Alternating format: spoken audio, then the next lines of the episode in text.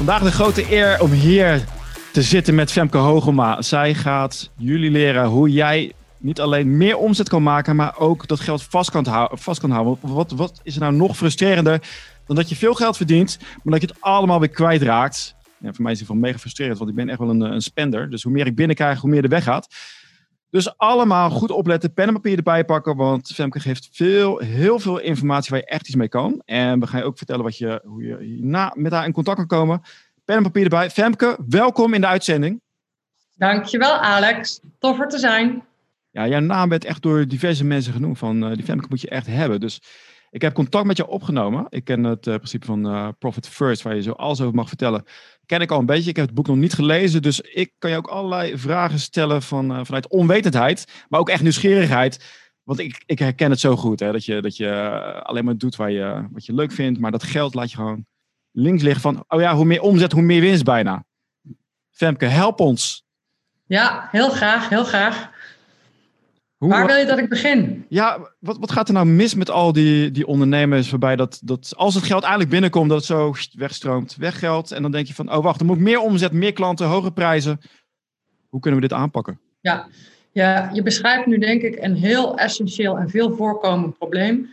Uh, en dat, dat is letterlijk dat wij, dat als je er goed over nadenkt, herkent iedereen dat ook wel. Hoe meer geld er binnenkomt, hoe meer er ook uitgaat. En hoe hard wij ook tegen onszelf zeggen: ja, nee, maar ik ga echt verstandig om met geld. Ik ben hoog opgeleid. Ik ben al, uh, weet ik, 15, 20 jaar ondernemer. Ik weet wel hoe ik dit moet doen. We, we uh, vergissen, ja, we, we vergeten daarin dat we mensen zijn en dat we dus emotionele wezens zijn en dat we veel minder rationele beslissingen nemen dan we denken en zouden willen. En Iedereen herkent als je een ton omzet draait, dan kan dat allemaal op. En draai je een jaar later twee ton omzet, kan het nog steeds allemaal op. En de, de, er ligt, een, er ligt een, een, een wet onder. Parkinson's Law heeft niks te maken met de ziekte Parkinson, maar de wet van Parkinson. En die zegt, we benutten de beschikbare ruimte. En dat doen we in tijd, als je een week hebt voor een project, heb je een week nodig. Maar heb je onverwacht een dag minder, dan red je het ook. Dan ben je meer gefocust. Uh, laat je je minder afleiden door social media. En hetzelfde is met geld. Geld kan op. Geld vindt altijd een manier om op te gaan. En, um, en dat weet iedereen die wel eens een loonsverhoging heeft gehad. Ik ben zelf al 13 jaar ondernemer, maar ik heb wel ooit in mijn leven uh, een werkgever gehad en dus loonsverhoging gehad. En denk nou eens terug aan een loonsverhoging. Misschien was het 100 gulden. En dan aan het eind van die eerste maand dat je die loonsverhoging hebt gehad, was er dan precies 100 gulden over op je bankrekening? En dan zegt de meeste mensen op een handvol na, die zeggen dan: nee, dat was gewoon op. En ik kan me nog herinneren, lang geleden kreeg ik een, uh, had ik een nieuwe baan en toen uh, was ik nog een loondienst. En ik weet nog dat ik een loodverhoging had uh, bedongen van uh, 500 euro in de maand. Ik dacht, wauw, 500 euro in de maand. Ik kan dit niet doen, ik kan dat niet doen, ik kan dat niet doen. En inderdaad hoor, na een korte periode was het ook uh, gewoon op. Ja, wij, wij passen ons onbewust heel snel aan aan de nieuwe ruimte die er is. En je ziet dat in het grote natuurlijk ook. Hè? Eerst kon je, en nu ga ik even wat aannames en wat, wat kort door de bocht dingen zeggen. Maar vroeger kon je van 500 euro per maand rondkomen. Toen woonde je misschien op kamers en had je regelmatig eh, bonen uit blik.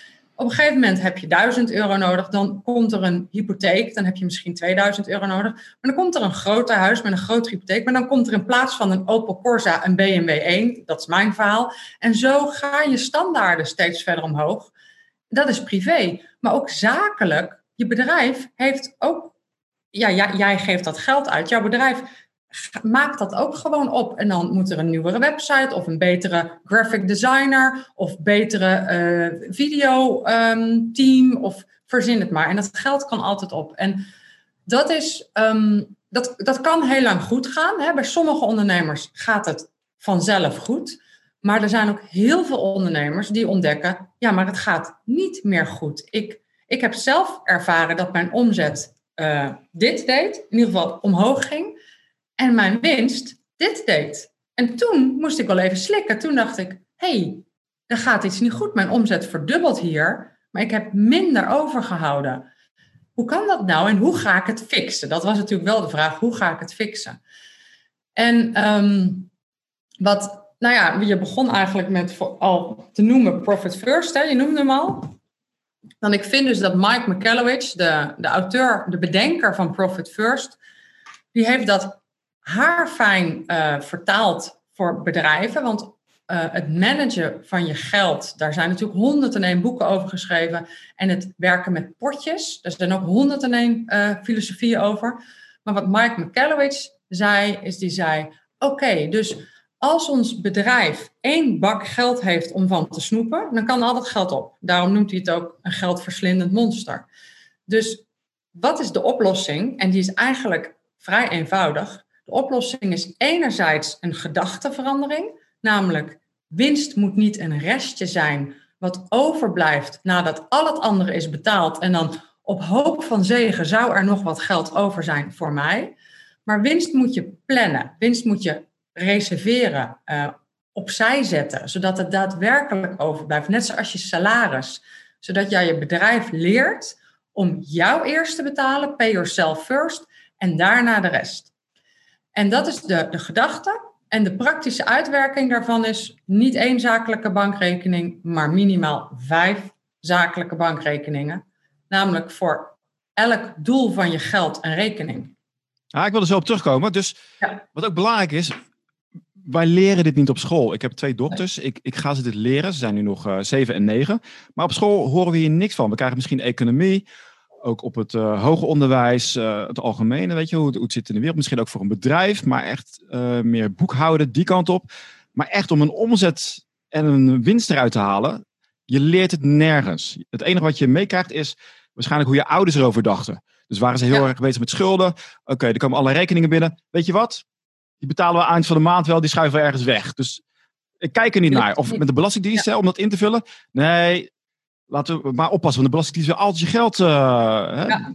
voor, voor, voor je het weet ben je weer de sigaar. Dus kan het ook mak, kan het ook leuk, want het lijkt zo complex voor de meeste mensen. Heel even, laten we dat heel even oppakken. Mijn kinderen zijn 7 en 8, hè, dus onze kinderen zijn ongeveer even oud. Krijgen jouw kinderen al zakgeld, Alex? Ja, maar uh, heel weinig. Ja, heel weinig, maakt niet uit. Al begin je met een euro. Mijn kinderen die hebben vanaf het allereerste begin per persoon twee spaarpotten gekregen. Ze hebben één spaarpot voor leuke dingen en ze hebben een kluis. En we hebben ook letterlijk een kluisje gekocht. Um, en 10% van hun zakgeld, dus dat begon met 10 cent, gaat in de kluis voor later. 90% van hun zakgeld gaat in, het, uh, in de spaarpot voor leuke dingen. Lego, Lego, Lego en Lego. En soms iets anders. En um, vanaf het allereerste begin hebben zij geleerd, zonder nog te snappen waar dat verdiende, want ik begon dat toen ze vijf waren, dat ze dus 10% in de kluis stoppen. En uh, dus dat is voor hun nu heel logisch. Nu kun je zeggen, Femke, wat doet nou 10 cent per week? Maar daar gaat het niet om. Stel je voor dat mijn kinderen dit de rest van hun leven volhouden om 10% van hun inkomen opzij te zetten. Dan zijn we er toch al bijna. Ja, niet iedereen, niet iedereen heeft het door. Dus kan je dit nog een keer langzaam vertellen van wat levert dit op als jij gewoon een percentage opzij zet ja. voor slechtere tijden, voor goede tijden. Ja. ja. Wat levert het jou op? Het, het, is zo belangrijk, want we hebben het nu over een spaarpot. En dan gaat het dus letterlijk eigenlijk over twee dingen. Het gaat over de gewoonte dat je 10% van je geld opzij zet. Als je die gewoonte volhoudt, dan heb je een, een levensreddende gewoonte in mijn ogen. Want je, uh, je, je neemt daarmee afscheid van het geldverslindende monster die alles opmaakt. Want je zet gewoon vanuit automatisme 10% opzij. Maar zodra dat een gewoonte wordt en het zakgeld wordt hoger, het is 2 euro, dan is het geen 10 cent, maar 20 cent. Um, als ze straks een inkomen krijgen en ze zijn eraan gewend om 10% opzij te zetten en ze hebben bijvoorbeeld hun eerste inkomen van, ik heb geen idee, 2000 euro, en ze zetten 200 euro opzij. Die gewoonte die is nu niks. Dat is, dus wat zal er nu in zo'n spaarpot zitten? Een tientje. Maar dat wordt uiteindelijk serieus geld. Nou, natuurlijk is het niet genoeg om alleen maar het geld opzij te zetten. Dus als zij iets ouder worden, wil ik met ze na gaan denken: wat gaan we doen met dat geld in die kluis? En het is van hun afhankelijk wat we ermee gaan doen. Misschien willen ze wel ondernemen en dan ga ik heel graag met ze nadenken. Wat zou je dan willen doen? Hè? Wil je dan YouTuber worden? Dat ligt redelijk in de richting van hun huidige interesses. Of wat wil je gaan doen? Of misschien zeggen ze wel: kunnen we niet leren beleggen? Geweldig, gaan we op zoek naar een beleggingscursus voor kinderen. En dan gaan we kijken, wat kun je nou met die, met die, met die 10% doen? En wat ik ze daarmee leer en wat ik ook aan volwassenen, aan de kijker nu daarmee wil leren, is ga je geld serieus nemen. Ga erover nadenken hoe je het wilt managen. Zorg dat je niet alles opmaakt, maar dat je vanaf vandaag geld opzij gaat zetten. En als de kijker nu zegt van ja, maar Femke, ik kan nooit 10% opzij zetten, dan zeg ik, dan begin je met een tientje. En dat zou al een, een uitkomst kunnen zijn van, van, van, deze, hè, van, van deze sessie, is dat je zegt, ik ga een automatische overboeking maken van mijn zakelijke rekening of van mijn privé, maakt me niet uit, ergens, een zakelijke overboeking van een vast bedrag per maand naar een spaarrekening. En kijk eens hoeveel je kunt missen. Misschien kun je een tientje missen, maar misschien zeg je ook wel, ja, seriously, ik kan wel 500 euro missen. Geweldig. Maak een vaste overboeking naar een spaarrekening. Ga je niet druk maken over de vraag, ja, maar de, de rente is negatief. Nee, eerst de eerste stap. De eerste stap is in actie komen, geld opzij zetten. Een volgende stap is dat je erover na gaat denken: wat doe ik met dat geld? Net zoals die spaarpot van die kinderen. Er zit nu een tientje in, in muntjes van 10 cent. De volgende stap is, wat gaan we ermee doen? En misschien duurt het nog wel een paar jaar. Ehm, ik, uh, ik, ik ga natuurlijk veel te snel, hè? want je gaf al aan, in drie stappen naar een financieel gezond bedrijf. En ik ben hier heel enthousiast over, want dit zorgt ervoor dat jij die financiële vrijheid kan, ja. eindelijk kan krijgen. Hè? Het maakt niet uit op welke leeftijd je begint, want het is altijd van, je, je kon het beste tien jaar geleden beginnen. Maar begin nu op dit moment. En even een kanttekening, ik zie een hele kinderboekidee uh, aankomen over kinderen met geld om laten gaan. Ook erg geïnteresseerd naar. Maar wat je zo aangaf, in drie stappen naar die financiële vrijheid. Dus Femke, red, ons, help ons. Wat, zijn gaan we, wat gaan we doen? Stappen?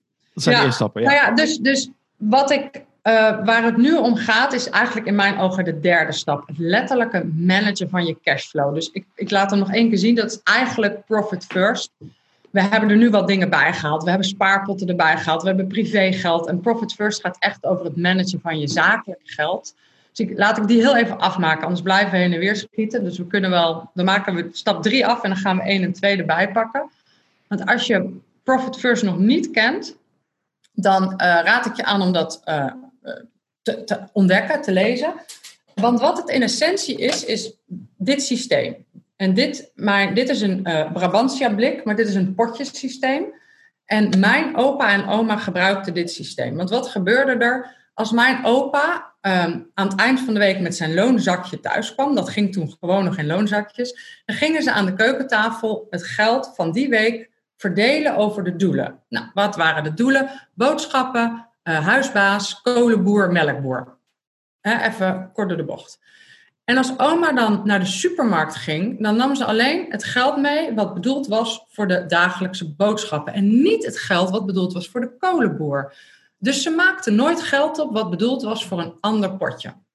Nou, zakelijk gezien heeft je geld heel kort samengevat vier doelen. En we kunnen de diepte ingaan, dat gaan we niet doen. Maar kort samengevat heeft je zakelijke geld vier doelen. Het eerste doel is winst. Vandaar dat het boek heet Profit First, winst.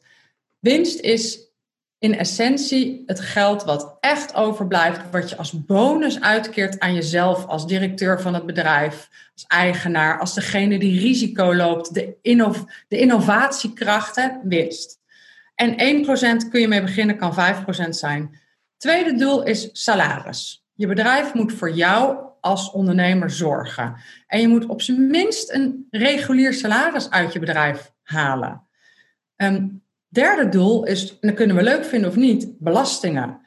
En als je dat belastinggeld niet opzij zet, letterlijk op een aparte bankrekening, want dit zijn bankrekeningen, mijn vingers, dan maak je dus geld op wat niet van jou is, wat van de belasting is. Wij zijn een soort van administratiekantoortje voor de fiscus, dus dat geld is niet van ons. Dus dat moeten we opzij zetten.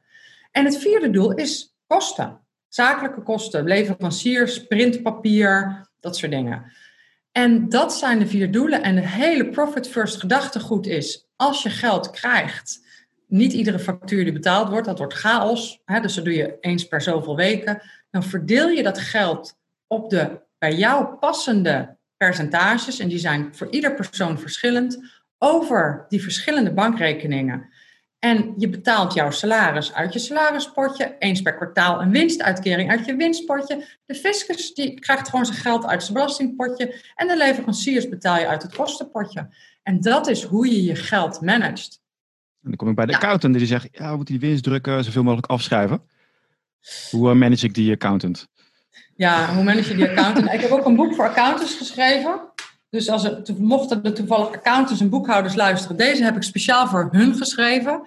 Dat ik zeg de nieuwe rol van boekhouders en accountants.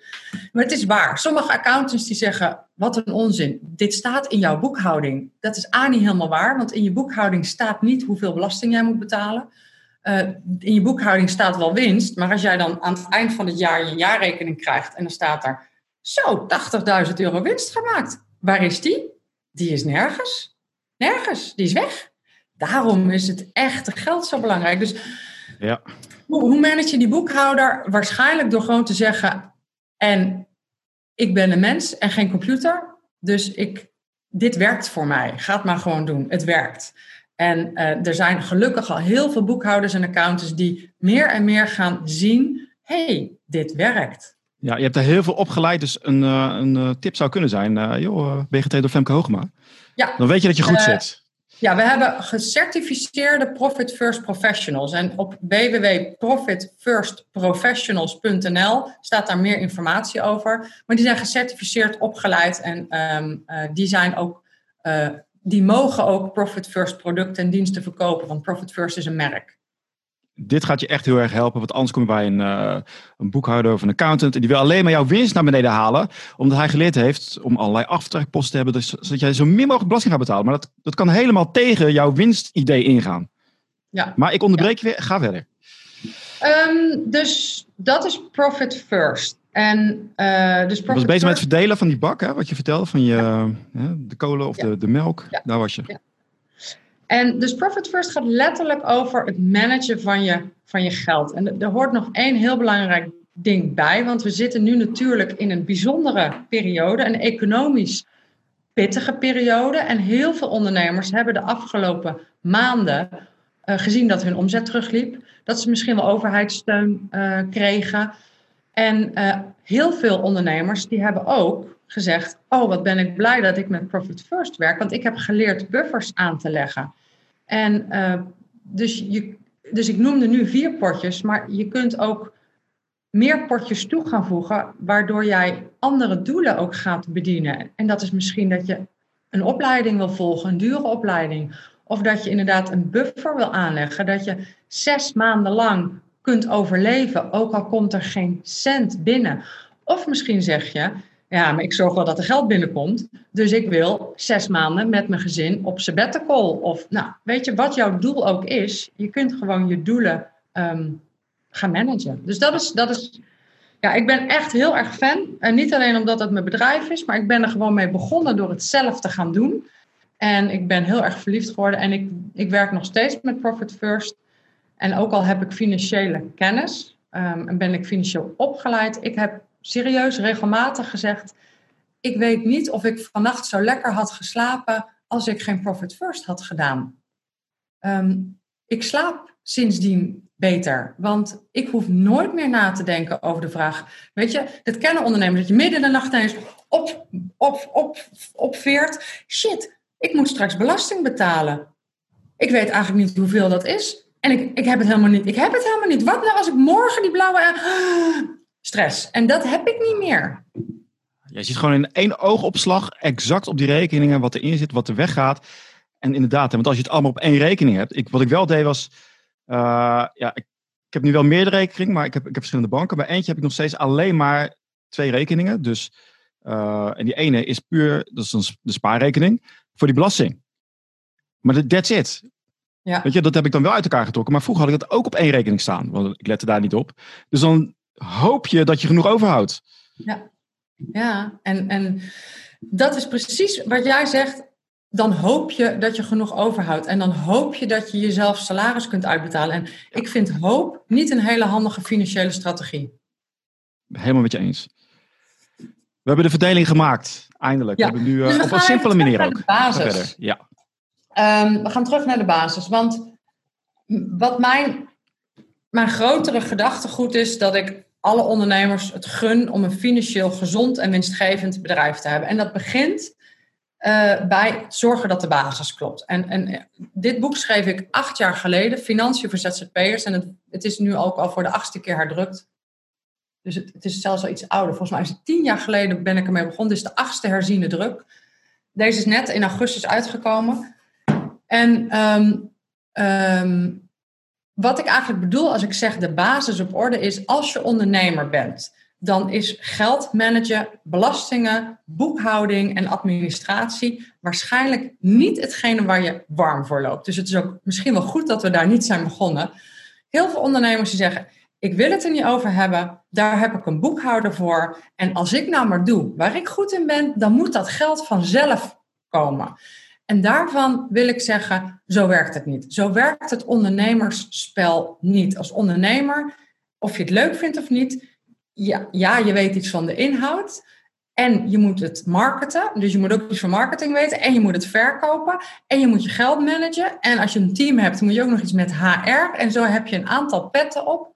En de financiële pet is daar een hele belangrijke in. Want geld is de zuurstof in je bedrijf. En als die zuurstof er niet meer is, gaat je bedrijf dood. En dan kunnen we het heel mooi maken, maar that's the story. Geen geld, geen bedrijf. Dus je moet dat geld managen. Je moet die basis managen. En we hebben het net gehad over Profit First. En Profit First works miracles. Het is geweldig. Maar er is, er is, er is nog wel iets meer. Want je, je bent verplicht om een kloppende boekhouding te hebben. Je bent verplicht om belastingaangifte te, te doen. En dat doet Profit First niet voor je. Dus je hoeft het niet leuk te vinden. En deze discussie heb ik tegenwoordig met mijn achtjarige. Die zegt, mama, ik heb geen zin om de vaatwasser uit te ruimen. En dan zeg ik, lieverd, je hebt ook geen zin nodig. Je kunt gewoon de vaatwasser uitruimen zonder zin. Dat gaat ook over geld. Als je geen zin hebt om je financiën te managen, dan zeg je gewoon, ik zeg altijd tegen mezelf, zin hebben is geen criterium. Ik ga het gewoon doen.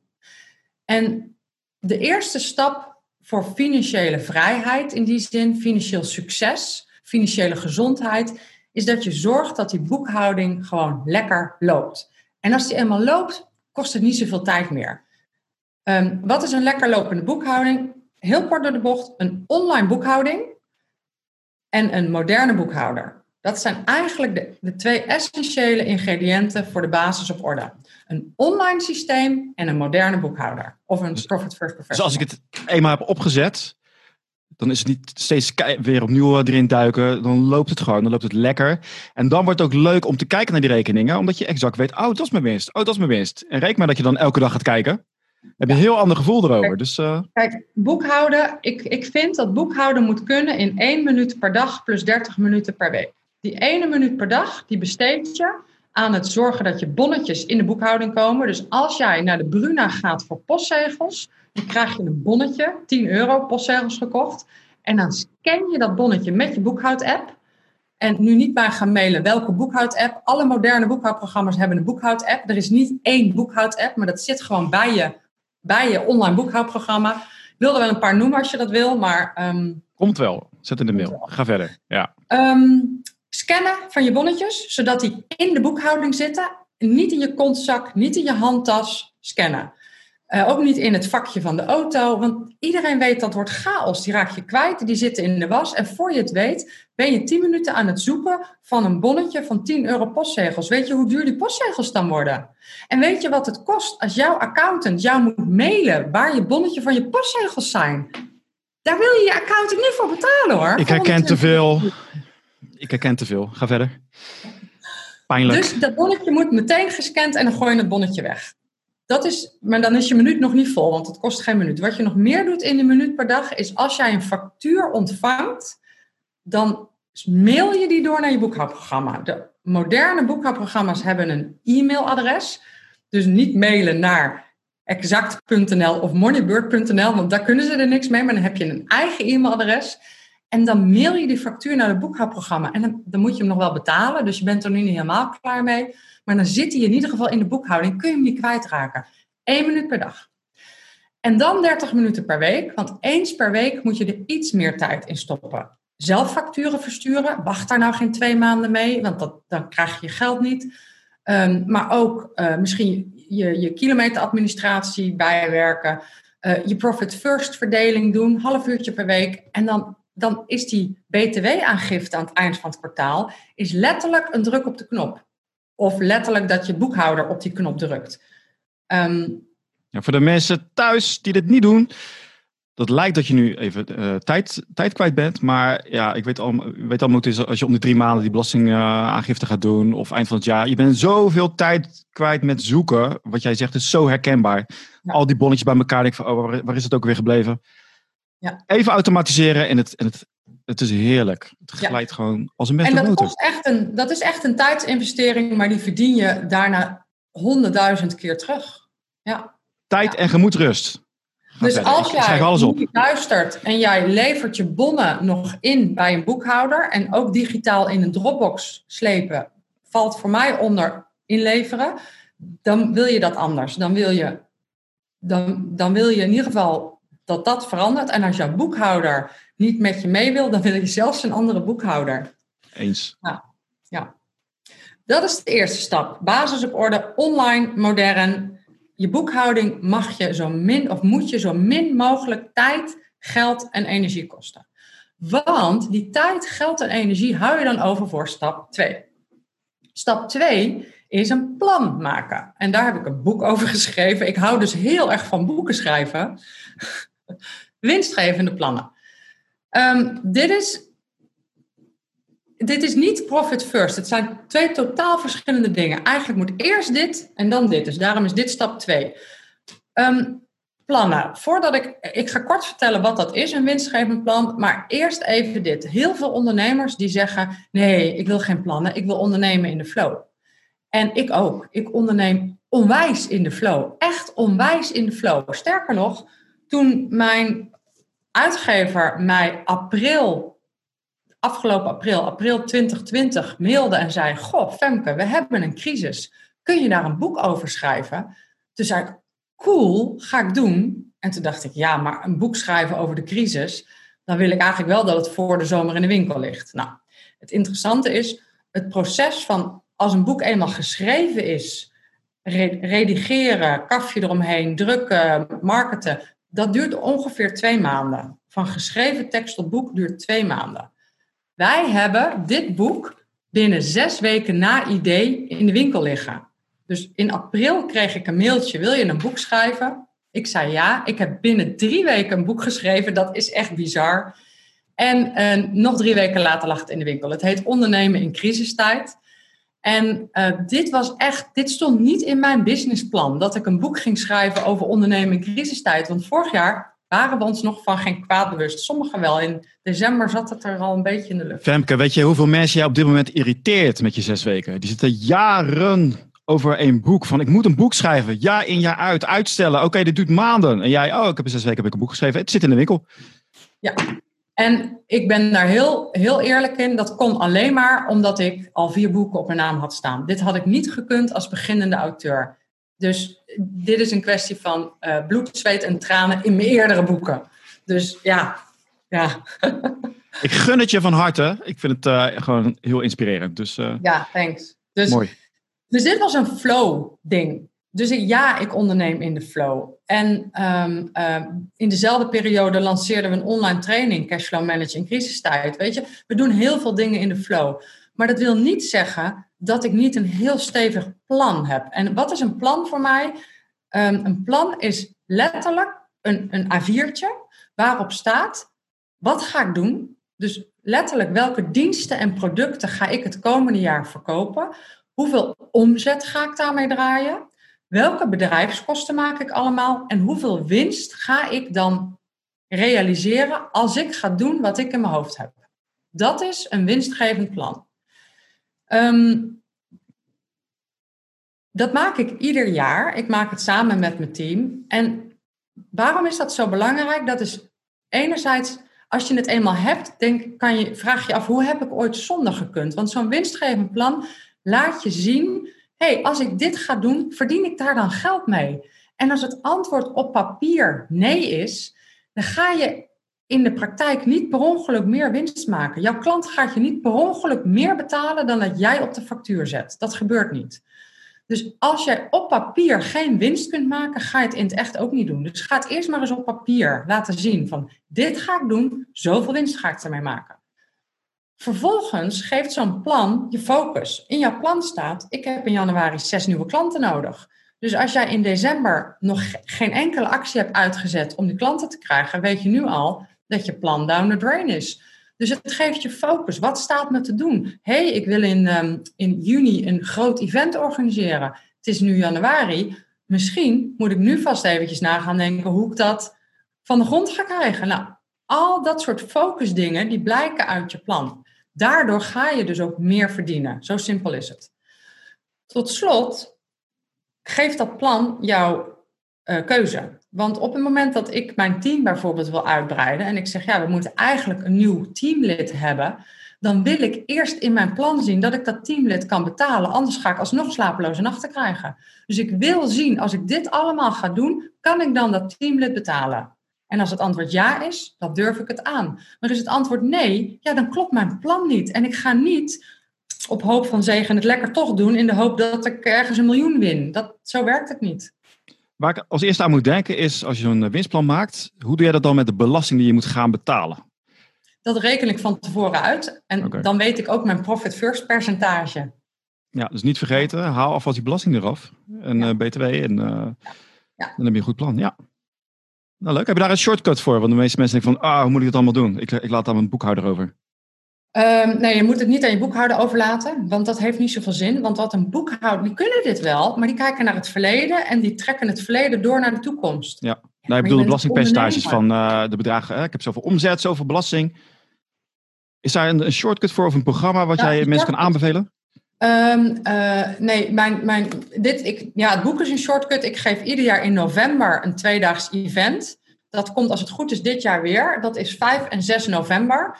Uh, zoals het er nu naar uitziet, gaan we het gewoon live doen. Dus uh, dat is ook wel oh, weer heerlijk om even weer onder de mensen te zijn.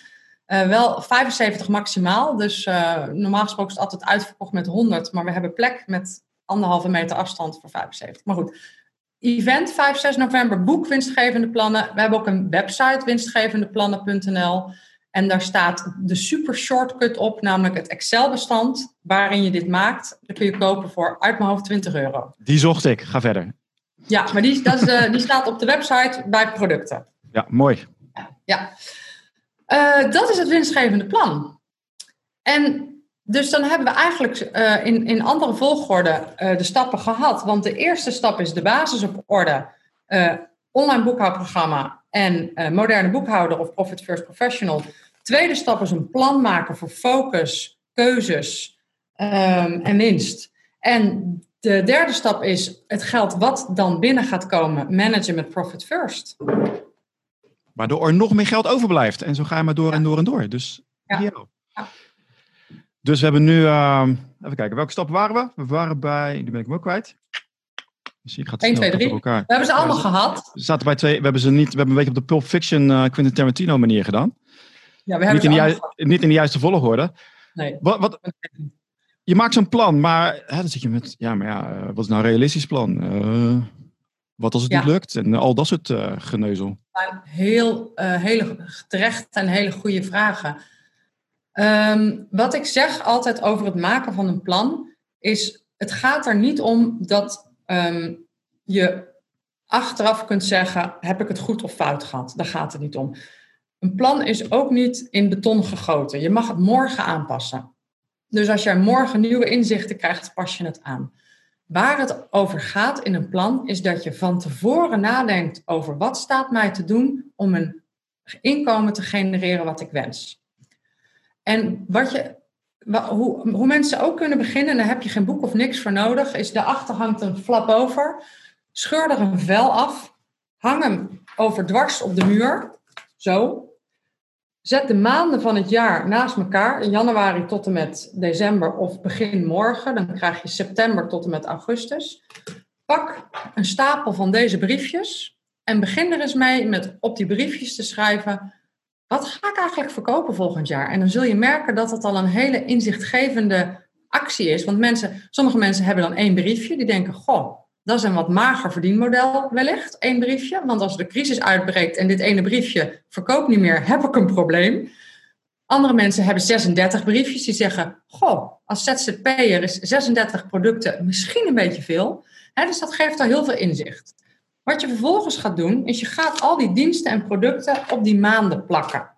Dan wil ik zes nieuwe klanten voor die dienst. Dan wil ik een nieuwe training lanceren. Dan wil ik een online product lanceren.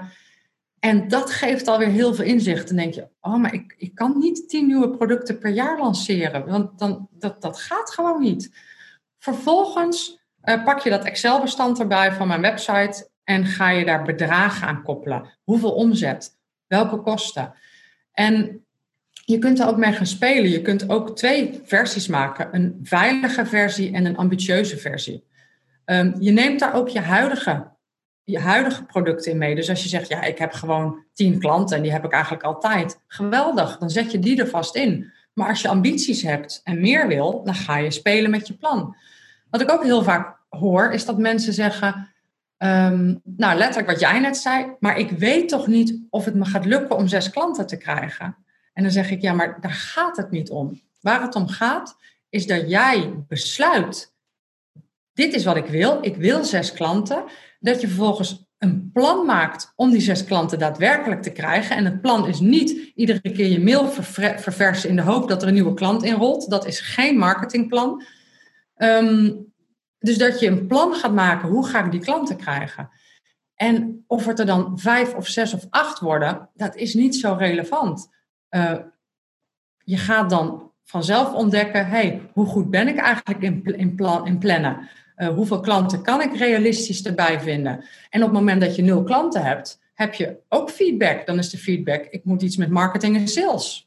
Ja, je kan ze heel makkelijk ook terugrekenen van ik heb uh, zes klanten nodig. Daarvoor heb ik zoveel acties nodig. Dat kan gesprekken zijn, dat kan interviews zijn. Ik noem wat op dat, dat die pipeline voor jou vol stroomt. En zoveel klanten moet ik hebben. En dan kan ik uh, 20 of uh, 5 procent converteren. Ligt er maar net aan welke branche je zit. Maar zo reken je inderdaad terug naar wat je feitelijk nodig hebt. En dat geeft ook een stukje rust. Precies. En dat zijn, dat zijn allemaal van die hele simpele dingetjes. Nou, simpel, ze zijn helemaal niet simpel. Simpel, maar niet makkelijk. Makkelijk. Iedereen heeft wel eens gehoord van, van, van het, het, fenomeen funnel. En uh, een funnel kan heel ingewikkeld klinken. Van, oh, dan moet je met allemaal moeilijke software gaan werken. En met allemaal heel complex. En dan haken sommige ondernemers al af. Maar in essentie is een funnel, en dat is echt de bare essentie. Een funnel ziet eruit als een trechter en onderuit de trechter komt een klant. Daar staat die klant. En de funnel is de route hoe jij van een persoon meestal een klant maakt. En die funnel kan al heel simpel zijn. Als jij klanten maakt door ze te spreken en een offerte uit te brengen. En je spreekt ze doordat je ze ontmoet hebt op een netwerkbijeenkomst. Dan is dat jouw funnel. Netwerkbijeenkomst, gesprek, offerte, klant. En als jij dan op een gegeven moment ontdekt dat 80% van jouw offertes inderdaad klant wordt. En jij, als je naar een netwerkbijeenkomst gaat, altijd één afspraak hebt, of twee afspraken hebt waar je een offerte voor mag uitbrengen, dan weet je naar hoeveel netwerkbijeenkomsten je moet. En zo simpel kan een funnel zijn. Maar je moet wel weten wat jouw funnel is. Hoe reageren ondernemers erop als je dit vertelt? Zitten ze echt van, ja logisch, waarom ben ik hier zelf niet opgekomen? Ja, en, en ook, ook wel denk ik, oké, wat tof. Klanten vinden is dus iets wat ik zelf kan, um, kan regelen, kan structureren. Het is niet. Um, het is niet een kwestie van hopen dat ze me vinden via social media. Weet je, ondernemers denken soms ook: als ik maar zichtbaar ben op social media, komt het vanzelf goed. Maar dat is, dat is het bovenste stukje van de funnel. Dan missen we nog een heel stuk. Dus het is gewoon een heel handig, um, heel handig ding. En ik heb het echt niet bedacht. Het is een, dit, is een, dit is een heel wijdverbreid gedachtegoed. Waar uh, eh, 101 trainingen over te vinden zijn. Het enige wat ik doe, is het terugbrengen tot de kern, de bare essential. En dat is hoe maak jij van iemand, een klant, welke Ja, route? Dat is echt heel belangrijk, want het kan zo complex worden inderdaad. Hè? Wat je net ook aangaf, mensen hebben last van eh, hoop marketing. Van ik hoop dat er klanten binnenkomen. En dan zit je dus in een, eh, ja, ik wil niet precies zeggen slachtofferrol, maar je bent een heel afwachtende rol. En dat geeft heel veel stress. Maar wat als jij in de aanvalspositie bent? Althans, in de, de oogstpositie. Je weet wat je gedaan hebt, je weet wat er binnenkomt. Dat voelt al veel krachtiger. En Ja. om het zo, doordat jij het zo simpel kan brengen, eh, zo simpel kan vertellen, heb je ook veel meer het idee van, oh, nou, dat, dat, dat kan ik doen. Want anders stop je Ja. er gelijk al mee. Dus ik vind het eh, perfect hoe je dat doet. Ja, Hoe je dat en, en uitlegt. het leuke is, wat we eerder al zeiden is, eh, zin hebben is geen relevant criterium. Dat geldt hiervoor ook. Op het moment dat jij ziet dat je eigenlijk gewoon iedere dag vijf nieuwe vriendjes moet maken op LinkedIn en één belafspraak, en je hebt daar ochtends geen zin in, dan zeg je tegen jezelf, ja, maar zin hebben was niet echt een criterium, dus ik ga het nu gewoon doen. En zo krijg je klanten. Ja, en het dwingt je om niet constant je e-mail te refreshen en dan denken van, oh, ik ben bezig, dus ik ben bezig met mijn onderneming. Nee, ik moet Ja. vijf acties ondernemen. Ja. Nou, je hebt hè, de drie, drie stappenplan met bijbehorende boeken en een training. Gaan we het zo nog verder over hebben. Maar ook je nieuwe boek, wat je in eh, zes weken op de plank hebt gekregen, over ondernemen in crisistijd. Hier, wordt, hier worden heel veel vragen over gesteld. Mensen komen er nu pas achter hoe kwetsbaar ze zijn, eigenlijk. Dat er zoveel omstandigheden zijn die kunnen veranderen, waar ze zelf niets aan kunnen doen. En voor je het weet ben je out of business. Het aantal faillissementen gaat volgend jaar nog meer omhoog, omdat dan pas de effecten van dit jaar worden gevoeld. Dus beter ga je als ondernemer nu al acteren. Wat, Ja. eh, welke wijsheid heb jij kunnen, kun je ons brengen hierin? Ja, nou, wat, ik, wat ik zeg over ondernemen in crisistijd is eigenlijk, eh, dat staat op de kaf, drie dingen. Het gaat over ehm, mindset, cashflow en strategie. Ehm, mindset is een hele belangrijke. Mindset in, in, in crisistijd is, is echt een essentieel startpunt. Want op het moment dat jij als ondernemer bij de pakken neer gaat zitten en zegt, ja, mijn branche gaat nu gewoon heel slecht, dus ik moet wachten tot het over is. Of als jij zegt, ja, dit is echt heel erg, dit is echt heel erg en je blijft daarin, dan gaat er niks gebeuren. Dus ik heb een aantal, ik heb twintig ondernemers geïnterviewd voor dit boek en het was heel mooi om te zien dat eigenlijk alle ondernemers die ik geïnterviewd heb, allemaal zeiden, toen de lockdown begon, ehm, 13 maart, heb ik 24 uur stevig gebaald. En toen was het klaar. En toen zijn we gaan kijken naar, en wat kan er wel? En dat is de vraag die essentieel is in zware tijden. Tuurlijk, je mag even balen. We zijn geen robots, we zijn geen machines. Dus je mag echt oprecht balen. Je mag bang worden, je mag verdrietig zijn. Maar dat moet, dat, dat moet wel een keer stoppen. Hè, 24 uur, misschien 48, maar dan mag het wel weer klaar zijn. En dan ga je kijken, en wat kan er wel? Nou, de wat kan er wel vraag, die kan ik iets concreter maken voor ondernemers. Want als ondernemer, wat je in essentie doet als ondernemer, is dat je een oplossing hebt voor een probleem van jouw ideale klant. En die oplossing lever je op een winstgevende manier. En um, hoe waardevoller jouw oplossing, hoe meer waarde jij letterlijk toevoegt, hoe beter jij die oplossing kan leveren, hoe waardevoller jouw dienst of product. Dus de eerste vraag die je jezelf stelt in crisistijd, in mijn ogen, is: um, welk probleem los ik voor mijn klant op? En als het probleem wat jij voor je klant oplost nu of geen probleem meer is, of echt niet oplosbaar is door een lockdown of wat dan ook, dan um, krijg je een tweede vraag. Dat is: oké, uh, ik laat ik me even een voorbeeld van. Stel dat je zegt: ik ben masseur. En er komt uh, en het probleem. Uh, eerst zei je misschien: ik ben masseur. Wat doe je dan? Ik masseer mensen. Ga terug naar de vraag: wat is het probleem wat je oplost? Ja, ze hebben rugpijn, stress. Ah, dat is het probleem. Oké. Um, de manier waarop jij dat probleem oplost, mocht even niet in lockdown. Want je mocht niet meer mensen aanraken. Dan kun je bij de pakken neer gaan zitten en zeggen: ja, uh, kut. Um, ja, ik ben out of business. Of je gaat terug naar de vraag: welk probleem los ik ook weer op? Ik los het probleem op van rugpijn en stress. Heeft mijn klant nu nog steeds dat probleem? Jazeker, sterker nog, het wordt groter nu, stress en rugpijn. Dan is de volgende vraag: hoe kan ik dan wel, en daar komt hij, hoe wel, hoe kan ik wel het probleem van mijn klant nu oplossen? En daar gaat het heel vaak mis, want dan zeggen ondernemers: Ja, ik kan niet online uh, rugklachten. En dan zeg ik: Ho, ho, ho, ho, wacht, stop, terug. Ik snap dat je liever mensen aanraakt en masseert. Maar dat mag niet. Hebben ze nog rugpijn? Ja, oké. Terug naar hoe dan wel. Kun je iets met ze doen zonder ze aan te raken? Wat gebeurt er als je ga, zegt tegen je klant: koop oordopjes, we gaan samen wandelen. Jij uh, in, in, in Amersfoort, ik in Hoeverlaken, allebei oordopjes. En we gaan samen wandelen. En tijdens het wandelen zeg ik tegen je dat je zes kniebuigingen moet doen. Zo, zo, hè? Dan doe je meer dan niks. En dan kun je nog steeds het probleem van je klant oplossen hebben we ook nog de situatie waarin het probleem niet meer bestaat. Stel je voor, jij bent podiumbouwer bij grote events. Er zijn geen grote events, dus er moet ook geen podia gebouwd worden.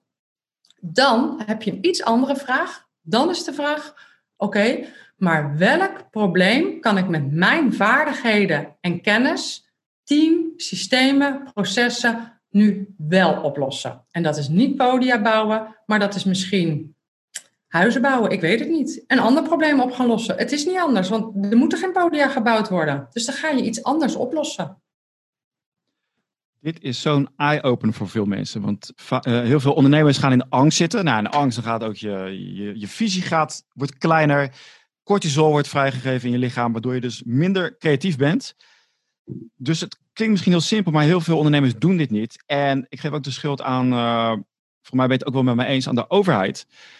Maar die heeft al die ondernemers, en ze willen het nu structureel gaan doen waarschijnlijk, een hele mooie zak geld gegeven. Dus wat kunnen ondernemers doen? Volgens mij heb ik het bij jou ook gelezen. Lekker Netflixen. Dat heb je bij mij ook gelezen. Nou, en die zak geld, ehm, daar ben ik nog wel.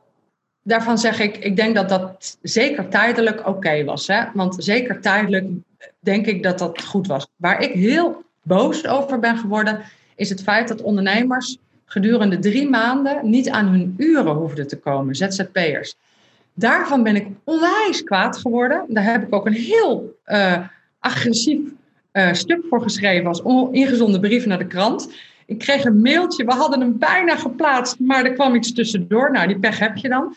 Maar toen heb ik inderdaad gezegd, wat zijn we nou met z'n allen aan het doen? Want eigenlijk zegt de overheid nu, ondernemer, ga maar lekker Netflixen. Terwijl ik denk, als ik echt, stel dat ik niks te doen had, drie maanden lang, nou dat gebeurt zelden, dan heb ik nog ongeveer 8000 podcasts die ik wil luisteren. En die uren kan ik allemaal schrijven. Ik heb zeker 100 boeken die ik wil lezen. En die uren kan ik allemaal schrijven. En ik kan al mijn klanten van de afgelopen 10 jaar bellen. En dat zijn waarschijnlijk 15.000 klanten. Dus daar ben ik voorlopig nog wel even zoet mee. Hoezo kom ik niet aan mijn uren als ondernemer? Wat een onzin. Als je hem zo stelt. Zeker wel, ja, dat is echt zo. Maar je maakt mensen ook heel kwetsbaar. Hè? Van, uh, je wil juist, vaak als je in het nauw wordt gedreven, en je moet wel even dat, uh, dat vlammetje moet wel even ontwaken. Want als jij in het nauw bent gedreven en je hebt geen oplossing, dan word je alleen maar, hè, dan voor het weet zit je in een, uh, maak je een klein bolletje en je komt nergens meer. Maar als je één iemand hebt in je leven, of je ziet ergens een voorbeeld, hoe het ook kan, dan gaat al die energie naar het overleven om uit die crisis te komen.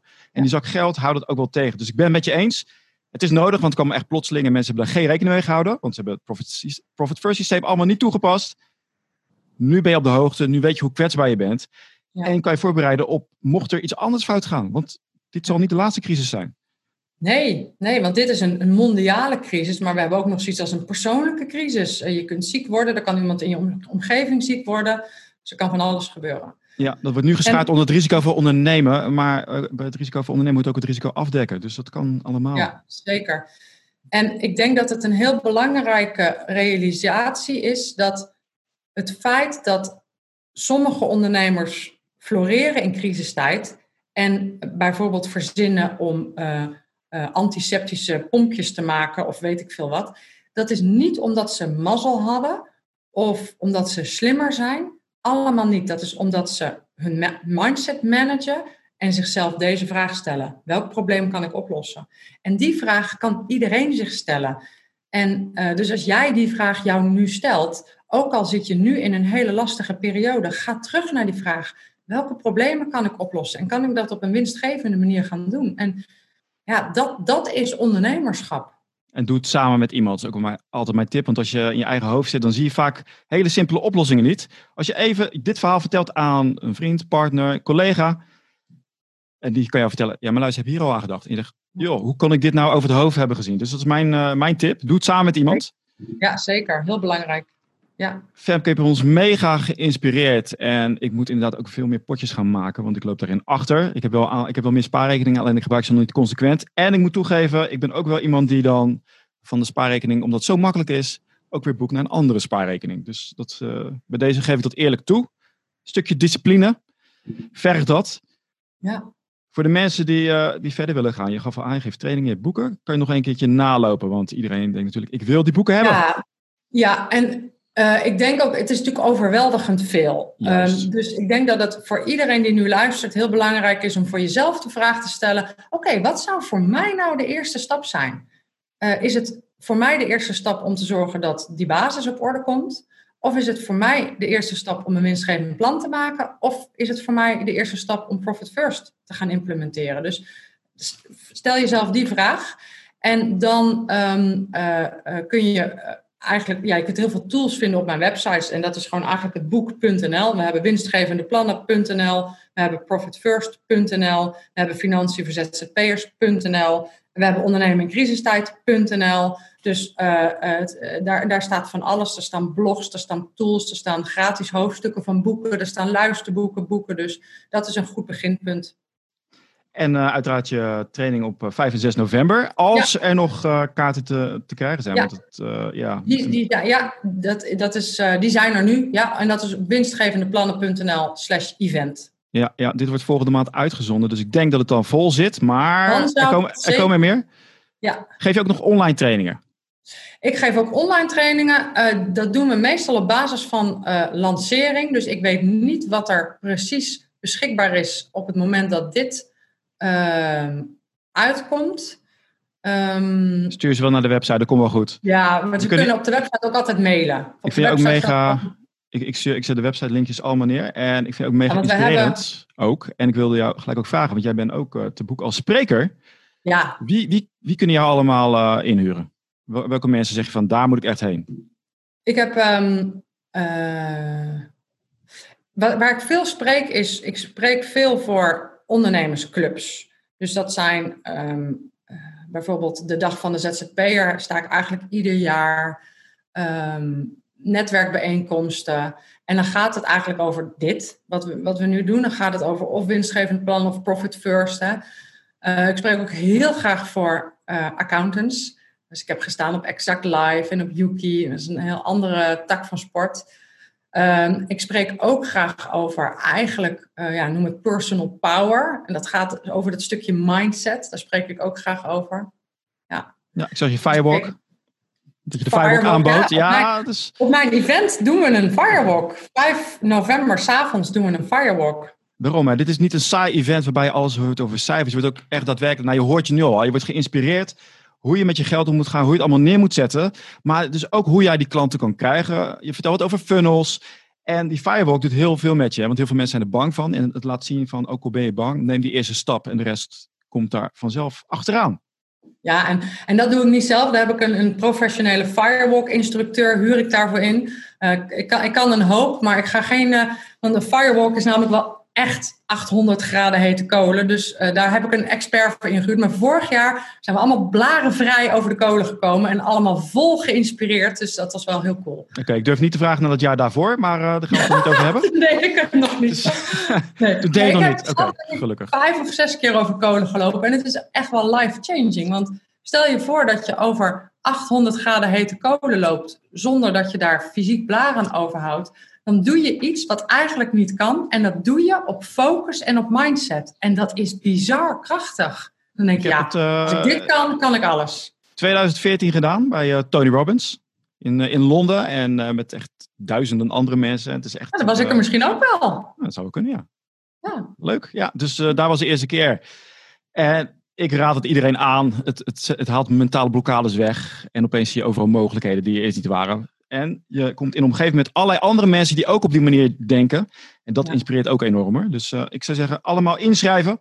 Schrijf je in en uh, ja, winst cool. eerst. En op, cool. door die crisis heen knallen. Yes, let's do that. Femke, bedankt. Ja, heel graag gedaan Alex. Hartstikke leuk.